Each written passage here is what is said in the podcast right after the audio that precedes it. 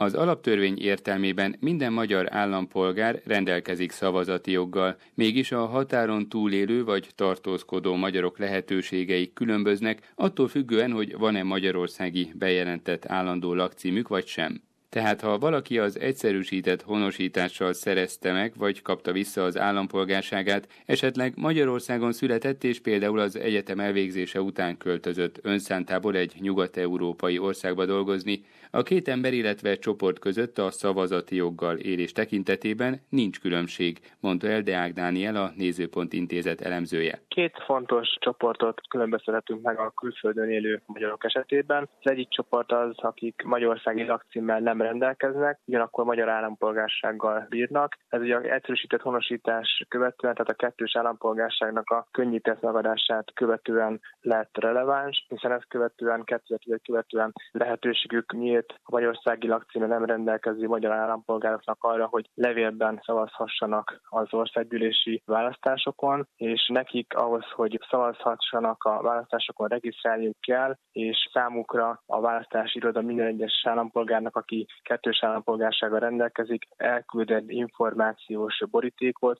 amelyben mindenféle tájékoztatást nyújtanak arról, hogy milyen módon és hogyan tudnak élni a választójogukkal. Jelen pillanatban 294 ezer regisztrált magyar állampolgár van a névjegyzékben, ők 10 évig vehetnek részt a magyarországi választásokon, és nekik most a napokban küldenek éppen egy adatfrissítésre vonatkozó nyomtatványt, akik pedig még nem regisztráltak, azoknak egy felvételi kérelem forma nyomtatványt küldenek. Ez azt jelenti, hogy minden egy egyes magyar állampolgárnak, aki magyarországi lakcímmel nem rendelkezik, minden egyes információt elküld a Nemzeti Választási Iroda. És a másik csoportja a külföldön élő magyaroknak az pedig, akik rendelkeznek magyarországi lakcímmel, ugyanakkor nem Magyarországon tartózkodnak. Nekik a legnagyobb csoportjuk jelen pillanatban Nagy-Britannia fővárosában, Londonban él. Nekik nincsen lehetőségük arra, hogy levélben adhassák le szavazatukat. Ők a magyarországi lakcíműre kapnak tájékoztatást, és ezt követően, hogyha élni kívánnak a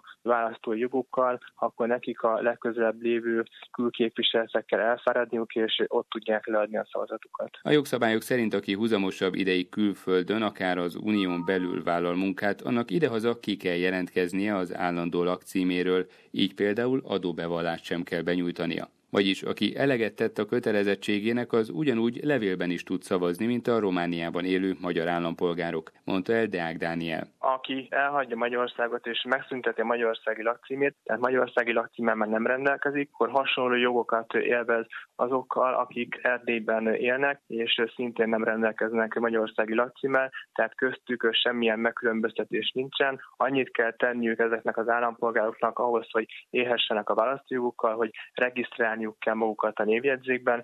Ha a regisztrációjuk megtörtént, akkor ezt követően van lehetőségük arra, hogy levélben is leadhassák a szavazatukat. Csupán azok nem tudnak levélben szavazni, akik nem jelentkeztek ki a magyarországi lakcímükről, tehát magyarországi lakcímmel rendelkeznek, ugyanakkor külföldön tartózkodnak. Nekik kérniük kell azt, hogy a külföldi konzulátuson, a nagykövetségen adhassák le a voksukat, tehát én, akik Londonban tartózkodnak, ugyanakkor magyarországi lakcímmel rendelkeznek, nekik a helyi londoni nagykövetségen van lehetőségük arra, hogy majd 2018 áprilisában élhessenek a választójogukkal. Gyurcsány Ferenc a Demokratikus Koalíció elnöke volt miniszterelnök a minap egy népszavazási kezdeményezéssel állt elő. A DK aláírás gyűjtésbe kezdett, hogy a határon túli magyaroktól megvonják a szavazati jogot. Erről, illetve az elképzelés szinte egységes fogadtatásáról a Nézőpont Intézet elemzője a következőket mondta. Fontos hangsúlyozni, hogy Magyarországon most már nagyjából minden párt elfogadja azt, hogy megvalósult Magyarországon az egyszerűsített honosítás,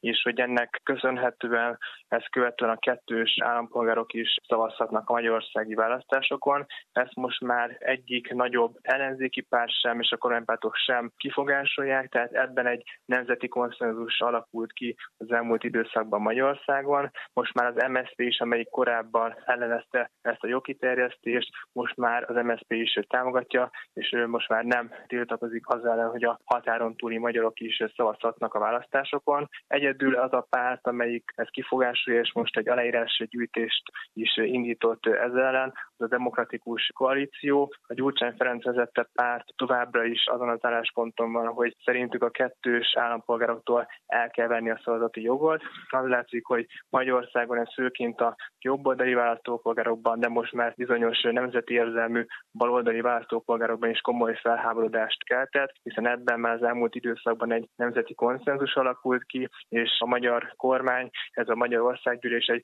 olyan jogszabályt alakított ki, amelynek keretében igazságosan és a saját nemzeti identitásukat megőrző állampolgárnak garantálja azt, hogy részt vessenek az országgyűlési választáson.